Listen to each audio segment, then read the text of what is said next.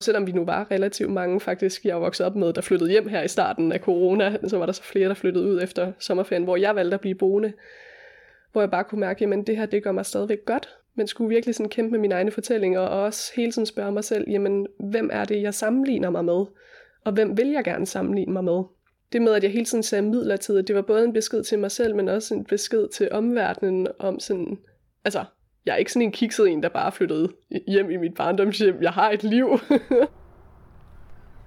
jeg er taget til Hjortøj lidt nord for Aarhus for at besøge 27 år i Alexandra og blive vist rundt i det økosamfund, hvor hun bor. For halvandet år siden, der byttede hun sin lejlighed i København ud med et hus i et økosamfund med biodynamisk landbrug og fællesskab. Og det skulle egentlig kun have været for et par måneder på grund af corona. Men hun er blevet, og nu er hun også blevet forperson for Landsforeningen for Økosamfund. Jeg tror egentlig, jeg bor ja, tæt på modsat af Alexandra. Jeg bor stadig i København. Jeg har et lille værelse i en lejlighed. Og i forhold til natur, så har jeg en øh, fin grøn græsplæne i min aflukkede baggård, som jeg deler med, øh, med resten af dem i lejligheden omkring mig. Og sådan bor de fleste af mine venner egentlig, men flere af dem er begyndt at snakke om, at de gerne vil ud af byen og have mere plads og mere natur og mere fællesskab. Og det her med økosamfund, det er populært. Danmark skulle efter sigende være det land, hvor der er flest af dem per indbygger, og der er 11 flere på vej. Hej. Hej. ja. Jamen, jeg havde stalket mig frem på Facebook, til du var rødhåret. Godt. Velkommen til. Tak skal du have. Tak fordi jeg måtte komme. Selvfølgelig. Men øh, jeg tænker, at vi skulle sætte os over i et fælleshus. Så kan jeg bare lige... Øh, jeg, jeg kunne lige finde et spejl. Jeg havde ikke rigtig noget spejl selv, så jeg var lige øh, genbrugsbutikken, og der sluppede jeg lige et. mindre et, så må du sige, om det kan fungere. Du lytter til spejlet. Tusind portrætter, en generation. Jeg hedder Anne Laura Hedegaard.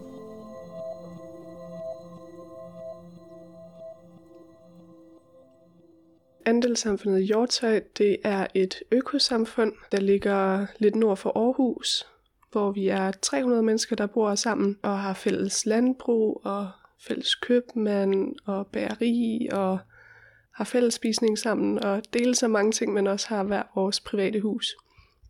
Og nu vil jeg gerne dig om at tage det der lille spejl og, øhm, og holde det foran dig. Og du må gerne lige blinke lidt og så videre, men prøv mm. så vidt muligt at holde øjenkontakt med dig selv i spejlet. Mm. Cool. Du skal prøve at øhm, beskrive dig selv som person til nogen, der ikke kender dig. Hvad vil du så, hvordan vil du så forklare dig selv? Mm, så tror jeg, jeg vil sige, at jeg er en livskvalitetsaktivist. Jeg går op i det gode liv, går op i at fejre øh, livet og er meget taknemmelig for min hverdag og mine venner. Og så er jeg en blanding af meget eventyrlysten og rejser ud i verden lige så snart jeg har muligheden. Og samtidig nok også introvert, så jeg også har brug for min faste base og min rødder at vende tilbage til. Og du er jo ikke født, men du er opvokset fra du var meget lille i økosamfundet her faktisk. Hvorfor tror du, øhm, hvorfor var det her, du endte med at vokse op? Hvad var det, der, der tiltræk dine forældre ved sådan den måde? Det var egentlig min mors idé, at hun gerne ville bo, øh, ja, på det tidspunkt hvis hun ikke det var et økosamfund, men hun er selv vokset op i en lille landsby i Slovenien. Øhm, halvdelen af tiden boede hun der hos sin mor, og så halvdelen af tiden hos sin far på Vesterbro i København. Og det var virkelig smerteligt for hende, har jeg kunne forstå, når hun skulle vende tilbage fra Slovenien og tilbage til Danmark. Øh, og sådan opleve lige pludselig storbyen, hvor alle var anonyme, og ingen øh, sagde hinanden noget. Hvordan var barndommen i sådan, ja, et økosamfund? Hvordan tror du, det adskiller sig fra, hvis man er vokset op et sted, hvor der har været meget langt til naboerne, eller, eller meget lukkede døre til dem? Hmm. Jeg husker det som, at vi altid var sådan en god flok på mindst 10 stykker. Jeg er enebarn, men jeg har aldrig følt mig som et enebarn, fordi jeg har haft altså, 10 søskende, der boede 10 meter fra mig. Øh, dørene har altid været åbne, så man bare har kunne løbe ind og ud, og ja, altid have legekammerater, og altid have en masse forskellige voksne. Øh, så hvis man var sur på sin mor, så kunne man bare løbe ind ved siden af, og så kunne man spise aftensmad der, i stedet for at sove der, hvis man havde brug for en pause. Øh, altid nogen at gå på æblerov med, og ja, Hvad med sådan noget som teenageårene, hvor jeg tror, at nogen blev lidt mere indadvendt. Øhm, hvordan var det at være teenager og bo et sted, som var så åbent og, øhm, og sådan fællesskabsorienteret? Mm. Jeg husker ikke specifikt, der har været, altså det var anderledes i teenage-tiden. Øhm, altså så de venner, jeg lavede rundt med øh, i mine yngre år, vi var jo blevet teenager sammen, så fandt vi på andre aktiviteter at lave, så legede man ikke længere, så var man sammen, øh, hed det. Men altså, og så at måden andelssamfundet er indrettet på, det er jo også, altså der er jo rimelig høj grad af privatliv, selvom det er et økosamfund. Altså vi har hver vores hus, øhm, og der er fællesspisninger, men man kan altid trække sig tilbage, så det husker jeg egentlig ikke som noget ja, speciel issue. Det jeg husker, det er, at i folkeskolen, altså jeg har gået en helt almindelig folkeskole, som ligger øh, lidt længere nede i byen, og det var, at de andre i klassen, de synes jo nok, at det var lidt mærkeligt, altså det her økosamfund, og jeg kan huske, de refererede tit til det som hulen, eller hulerne også, der boede i huler.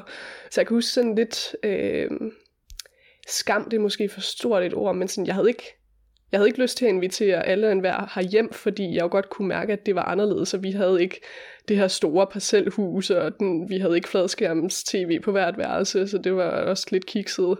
Øhm, men men så havde man sine alliancer med de andre, der boede her, hvor vi forstod hinanden på en anden måde. Har du nogensinde synes, det har været pinligt at, at sige, altså du var yngre, øhm, at du boede i et økosamfund? Ja, det husker jeg det samme. Måske ikke det, at det var et økosamfund i sig selv, men mere det med, at vi boede relativt småt, og altså sådan, det var jo ikke da jeg var mindre, så var det jo cool, den store kapitalistiske øh, parcelhusejendom.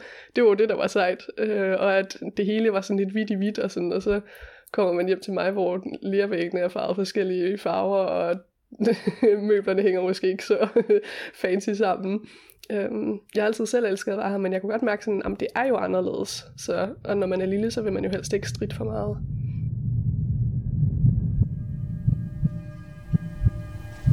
Jeg hedder Alexandra, og jeg ser mig selv i spejlet.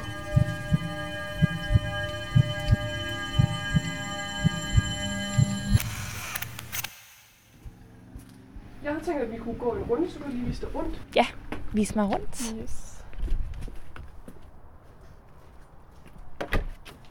Øhm, måske vi kan sådan bare gå igennem det kronologisk, sådan så vi kan starte der, hvor den ældste del af andelssamfundet er.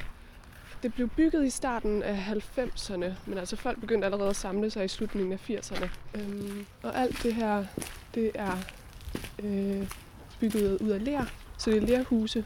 Mm. Øhm, som ja, som en er gammel, klædt. Ja, lige præcis. Gammel teknik. Og det store hus, som vi ser her, det er vores... Øh, det er sådan det største af vores fælleshuse. Der er en hel masse fælleshuse. Jeg tror otte forskellige. Ja, og det er her, hvor vi holder vores nytårsaften og vores andre store fejringer. Vinter, solværv, og vi har lige haft en sommerfest. Øhm, historiefortællingsaftener, øh, café og, og sådan lidt forskelligt. Øh, og lige ved siden af det allerældste hus, så har vi noget af det nyeste, som øh, er det, man ser her, som er både, både vores bageri og vores købmandsbutik. Ja, som har åben mm, fem dage om ugen. Der, hvor man kan få alt muligt økologisk, også vores egen honning og marmelader. Og, ja, det er jo bare sådan en lille helsekost. Hvor ofte køber du ind uden for jordtøj til sådan en madlavning? Mm, jeg tror, det er 50-50.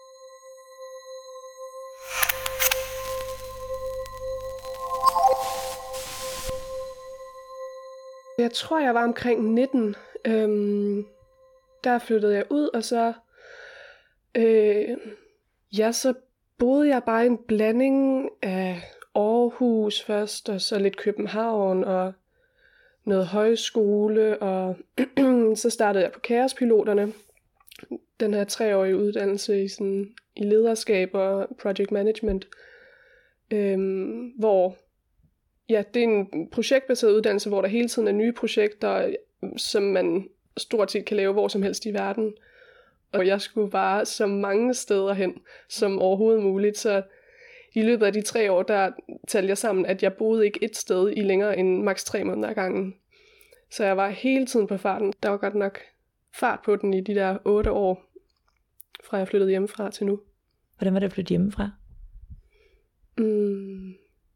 Jamen, måske er det ja, lidt mere omfattende, end hvis man bare flytter hjemmefra fra en familie, fordi her er det jo 300 mennesker, det ligesom annonceres til, at man flytter hjemmefra. Så mm, altså det var fint, det er jo bare dejligt, at man har så mange livsvidner. Øhm, jeg tror også, det er det, det meget har givet mig faktisk at vokse op her. Øhm, og at bo her nu, at, at man er omgivet af så mange, der har fulgt en. Inden du flyttede hjemmefra, overvejede du så at blive hængende her og, og skabe dit eget voksenliv øhm, i, altså her i andelssamfundet i Jotøj? Nej, nej, overhovedet ikke. Og jeg tror altid, jeg er altid sådan blevet spurgt af venner, sådan, ah, men tror du også, øh, tror du også, du skal bo i et økosamfund, og skal du bo i andelssamfundet også, når du bliver stor? Øhm, hvor der har jeg altid været meget overbevist om, at jeg skal bo i et økosamfund af en slags, i hvert fald et eller andet form for fællesskab. Øhm, men med en bæredygtig agenda. Øh, men det skulle ikke være andelssamfundet. Øh, det tror jeg vil gå på kompromis med for meget af mit væsen, som søger eventyr og nye udfordringer. Hvorfor? Og så alligevel sidder jeg her nu. ja, da corona ramte, så rejste jeg rundt i, og arbejdede lidt i Mexico. Jeg arbejdede som yogalærer i bjergene i Oaxaca. Det nåede kun at blive to måneder. Ja, og så øh, fik jeg flere og flere bekymrede beskeder om, at nu skulle jeg altså til at komme hjem, fordi det var noget, der hed corona. Og så, så havde man jo ikke rigtig noget begreb om, hvad corona var. Øh, så jeg tænkte, nå, så tager vi lige en midlertidig pause. Øhm, men ja, så kom jeg hjem, og så havde jeg ikke min lejlighed i København længere, og det hele var ligesom lukket ned, og så tænkte jeg, så bor jeg lige nogle måneder her i mit barndomshjem. Øhm, og de måneder blev så lidt over et år, og nu er jeg her. og før Mexico, der, der boede du i København. Mm. Hvad var du ligesom, hvad var du flyttet fra? Jamen der var jeg flyttet fra en skøn lejlighed på Guldbergsgade. Øhm, ja, og bare et øh, dejligt liv øh, på Nørrebro, hvor jeg havde gang i forskellige projekter, øh, freelancet på forskellige ting, og Øhm, mødtes med en masse venner til kaffe og sådan meget det klassiske storbyliv. Øhm, ja, hvor jeg kan tænke sådan, hvad laver man? Altså nu hvor jeg bor her, hvad laver jeg egentlig, når jeg bor i storbyen?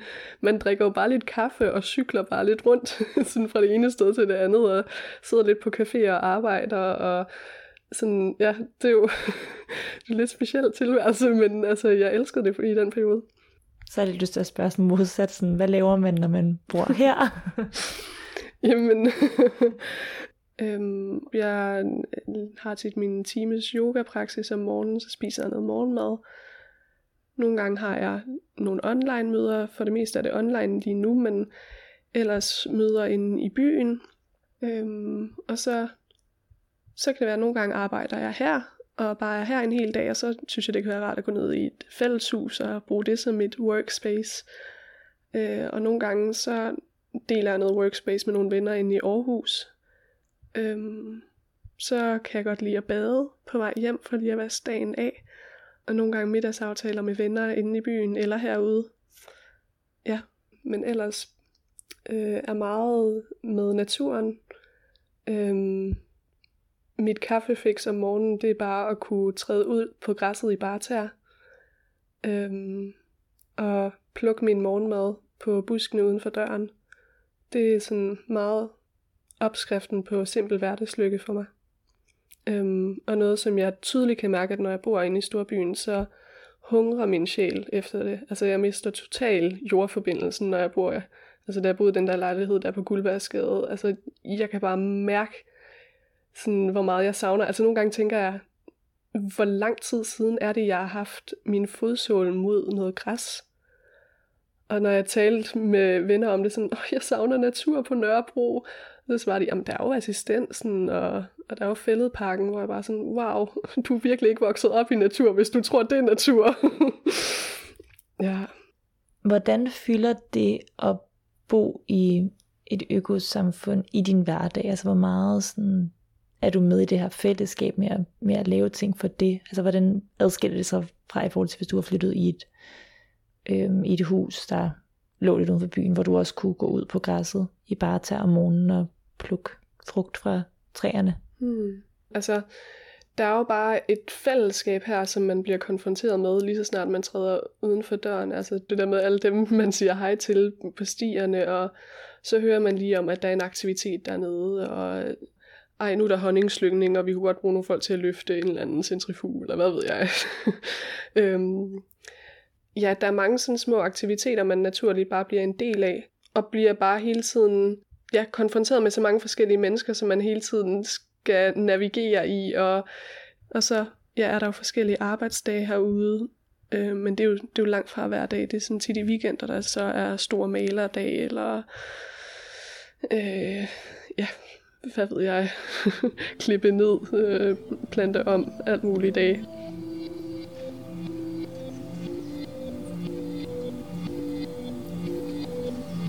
Jeg hedder Alexandra, og jeg er vokset op i et økosamfund.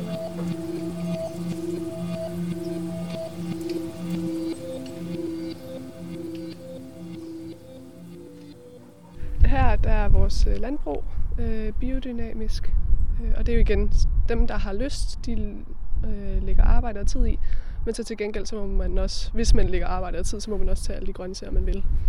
Så det er en rimelig god deal. Og her holder grisene til. Nogle gange kommer de begejstrede, når de hører, man er her. Men... Ikke så begejstret i dag. Hej. Ja, det tror jeg rigtig, at har mad til jer. Sådan, hvis man er restløs, og man ellers bare lige vil scrolle Instagram igen, så bare sådan, nej, gå op og øh, klap nogle grise eller nogle geder. det er jo det, man altså længes efter, når man er restløs, frem for bare at scrolle det samme igennem, man lige har set på. Jeg tror bare, sådan, i takt med, at jeg er blevet ældre, har jeg bare kunne mærke mere og mere et behov for at ja, sådan leve med naturen. Øhm, jeg sådan lærer de sådan essential earth skills, hvis nu apokalypsen der rammer, og selv hvis den ikke gør. Altså sådan, det gør mig bare glad at kunne være en del af hele processen fra det mad, jeg selv jeg har dyrket til, at det så kommer på min tallerken. Og jeg tror især under corona, så var det bare et bevis på, at øh, det ja, det, det, det rigtige, jeg har gang i lige nu, fordi mens andre var der lukket inde i deres lejligheder i storbyerne, hvor ja, der tilbage i starten af 2020, hvor man jo ikke vidste, okay, bliver supermarkederne ved med at holde åbne? Og sådan den angst, der var på det tidspunkt, som måske kan synes meget fjern nu, at den var der ligesom ikke noget af her, fordi man vidste, okay, jeg har et kæmpe community, der kan støtte mig. Jeg har en købmandsbutik, jeg har et helt bageri, jeg har alle dyrene, alle grøntsagerne.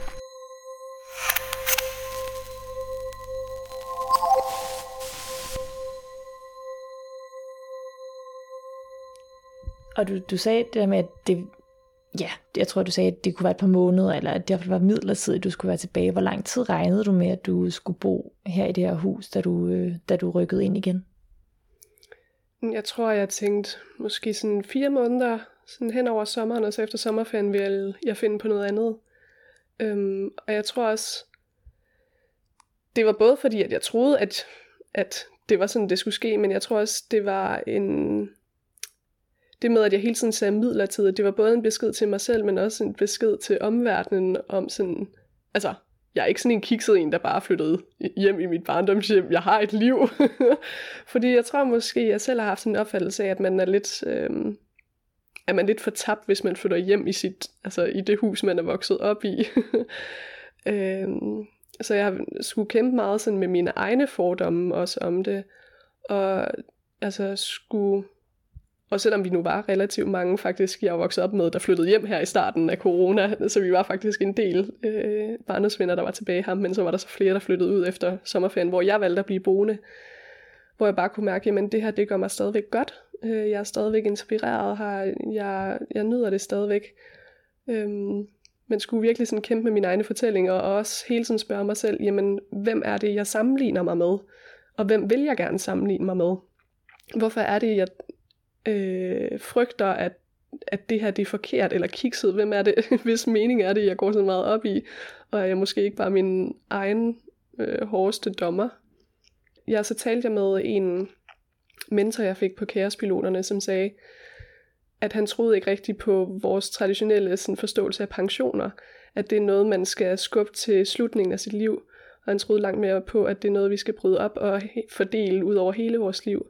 Så han, han så lidt på det her som, øhm, at jeg havde taget hul på en af mine første pensioner. Øh, og det, ja, det resonerede bare virkelig. Altså, hvorfor skal vi arbejde røven ud af bukserne i konkurrencesamfundet et helt liv, for så først til sidst, når vi alligevel er gamle og affældige, så øh, nyde friheden. Øhm, så vil jeg langt hellere ja, fordele lommer af frihed øh, og pensioner ud over mit liv. Så det her, det blev sådan lidt en, en mini-pension øh, for mig, hvor jeg, øh, jeg stoppede op og lige fandt ud af, at jeg måske ikke havde trukket vejret dybt i en lang periode. På det tidspunkt havde jeg jo stadigvæk altså i otte år boet et sted i mere end, ja, nok et halvt år ad gangen. Øhm, og fandt lige pludselig ud af, altså når man tit er på farten, så kan man ikke rigtig se, når man er i gang, hvor meget fart man egentlig har på, men når man så stopper op, så går det op for en sådan, fuck, øh, jeg har brug for lige at slå rød, og jeg har brug for lige at få en base. Så jeg tror bare, det at flytte her tilbage, der i starten af corona, det var sådan en kæmpe huh, udånding. Sådan, okay, Da corona ramte, så flyttede jeg tilbage i det økosamfund, jeg voksede op i. Og jeg hedder Alexandra.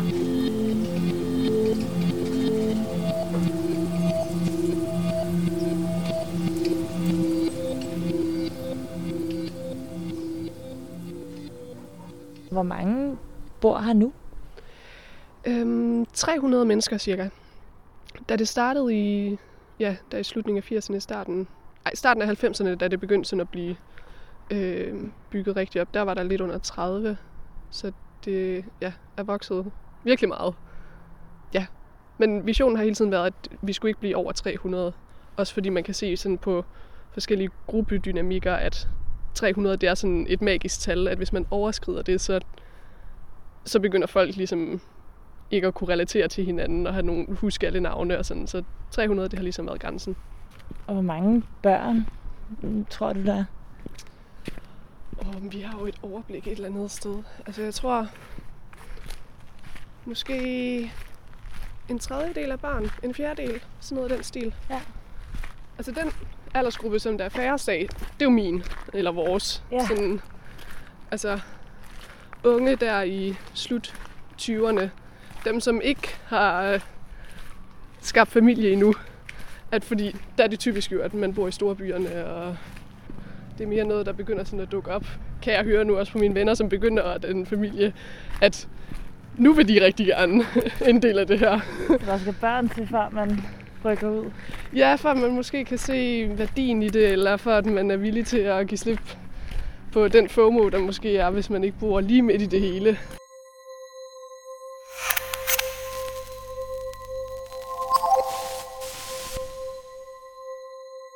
Savner du aldrig det der med at have en masse jævnaldrende mennesker omkring dig, øh, som er samme sted i livet som dig, og det der med at kunne gå ud af din hoveddør og så være altså fem minutter på cykel fra koncerter og ja. Jeg tror, jeg ville savne det, hvis jeg boede altså to timer fra civilisationen, men nu er det reelt 40 minutter på cykel øh, langs vandet, eller øh, 20 minutter i en let bane, så jeg synes egentlig ikke, øh, jeg synes egentlig, at den her løsning er meget det bedste af begge verdener. Øhm, fordi jeg synes, jeg har mange jævnaldrende omkring mig. Det tager bare øh, en dobbelt så lang cykeltur som mange af de andre, men så er det heller ikke værre end det. Hvis du savner København og livet der, altså hvad er det så, du savner øh, ved det mest? Mm, jeg tror, det, når jeg savner det, så er det alle de tilbud, der er der. Øhm, ja, tilbud om forskellige dans. Jeg har danset en del, og øh, lige altså bare sidde et eller andet fancy sted og drikke noget naturvin og se på nogle mennesker. Altså sådan en af de der gode storbyaktiviteter. Øhm, det, ja, det kan jeg godt savne en gang imellem. Øhm, men lige nu så er det det her, der ja, giver mig mest hverdagslykke.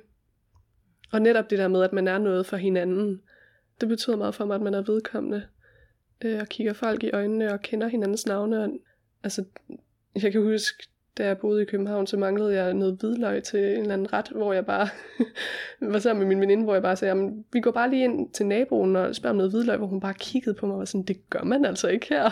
hvor naboen også kiggede lidt underligt, men gav mig noget hvidløg. men hvor de gør for mig sådan, nå ja, der manglede jeg lige noget sådan en situationsfornemmelse, at det bare er så naturligt for mig, sådan, jamen man går bare lige ind ved siden af og spørger. Du, du er jo, lyder det til at være altså, rigtig glad for at bo på den her måde, øhm, men sådan, what's the catch? Altså, hvad er det sværeste ved at bo på den her måde, tror du, hvis nu man kom udefra? Mm, altså, processer tager jo bare evigheder, når der er mange mennesker, der skal blive enige. øhm, og jeg jeg talte faktisk for nylig med min mor, hvor hun sagde, at da vi var små, alle os børn her, så talte vi hele tiden om, hvordan de voksne hele tiden gik til møde, og det var bare irriterende, og man skulle hele tiden have babysitter, fordi øh, ja, de voksne hele tiden sad i møde, og det tror jeg siger ret meget. Altså, kollektiv beslutningstagning, det er jo bare mega langsomt lidt. Øhm, og det er jo altså på nogle punkter mega ineffektivt, og så er det da meget fedt at bare lige at kunne gøre tingene på sin egen måde, og det kan man så gøre inden for sin egen lille matrikel, men altså, øhm, ja, det, det er et kæmpe stykke arbejde, men magien er så også bare så meget større, og ja, når alt så aligner, så er det jo også bare, altså så kan der virkelig øh, opstå nogle fede projekter, øhm, men ja, og så sådan noget som konflikter, altså nu lyder det måske også bare meget lysrødt, at alle siger hej til hinanden, altså der er der også folk, som ikke kan udstå hinanden, og som undgår hinanden på grusstierne. Men det kan man jo også bare vælge at se som en læring, og som øh, daglig meditationspraksis. Og i forhold til det med, at alle kender ens ansigt og navn, og at, at man ligesom er en del af fællesskabet, kan det aldrig blive for meget? Mm, altså vi har jo vores private huse, så jeg føler egentlig godt, man kan trække sig tilbage, men der er der altså nogle få gange, hvor jeg tænker, ej, nu vil jeg gerne være lidt usynlig, hvor så kommer man ud fra sin dør, så er der allerede en, der står klar, og, hey, hvordan var det nu med det her, og har du egentlig set malerbøtten, og øhm, men ja, det kan ikke opveje alt det gode, der er ved det. Og hvis du, øh, og nu må du gerne være helt ærlig, altså når du hører om, om min sådan, ja, mit liv i sådan på 10 kvadratmeters værelse, og en godt nok en grøn græsplæne, men som jeg deler med, med dem, jeg måske ikke kender så godt, fordi ja, det er bare nogle andre folk, der bor i nogle andre lejligheder. Øh, hvad, hvad tænker du om den måde at, at bo på? Mm, jeg kunne svare i mange forskellige øh, ja, områder her. Noget, jeg har lagt meget vægt på her i samtalen, det er jo sådan natur, og hvor meget altså, det betyder, og jeg tror, ja, jeg har, jeg har ondt af folk, som ikke har naturen tæt på dagligt, og som ikke kan træde ud med bare tæer øh, på græsset, og øh, det er sgu svært at blive særlig eksistentiel, når øh, ja, man bare kan træde ud og se bierne, hvordan de arbejder rundt, og øh, klappe nogle geder, og ja, mm, jeg vil ønske, at alle prioriterede mere tid i naturen, fordi jeg tror, mange af de kriser, vi står overfor, grundlæggende handler om, at at, at, vi ikke, at vi har mistet vores forbindelse til den. Øhm, ja, så det blev et lidt større, øh, større idealistisk svar. Tror du, du var flyttet tilbage, hvis det ikke havde været for corona? Mm, nej, det var jeg nok ikke. Tror du, det var blevet, hvis det ikke havde været for, at det at lockdown ligesom træk ud? Mm, ja, det tror jeg, jeg var. Ja. Fordi alt i min krop sagde, at det, jo, det var her, jeg skulle være. Så øh, jeg tror ikke rigtig, øh, der var et valg, da jeg først var her.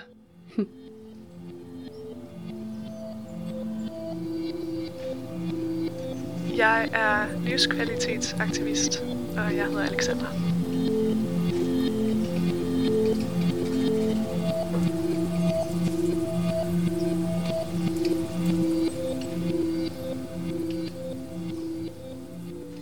Hvordan, øh, hvordan har det været at være med og sidde og svare, mens du kigger dig selv i øjnene i et spejl? Jamen, det er jo en blanding af, at sådan, det er jo bare mit liv. så det føles sådan lidt øh, usensationelt at skulle fortælle om det, som om det er noget særligt, men samtidig så er jeg jo også tit blevet mødt af nysgerrighed, så at, ja, samtidig med, at det er noget, at det jo ikke er så specielt, at det jo bare er et liv blandt så mange andre, så ved jeg også godt, at nogle af tingene er, mm, er usædvanlige og vækker nysgerrighed og inspiration og uforståelse hos nogle folk. Øhm, og så er det nok første gang, jeg har ført så lang en samtale med bare at kigge mig selv i øjnene. øhm, ja, måske sådan giver det en følelse af sådan, øh, hvad hedder sådan noget, compassion. Sådan, hey, du gør det sgu da meget godt. Hvis du eller en du kender skal være med i spejlet, så skriv til os på Instagram.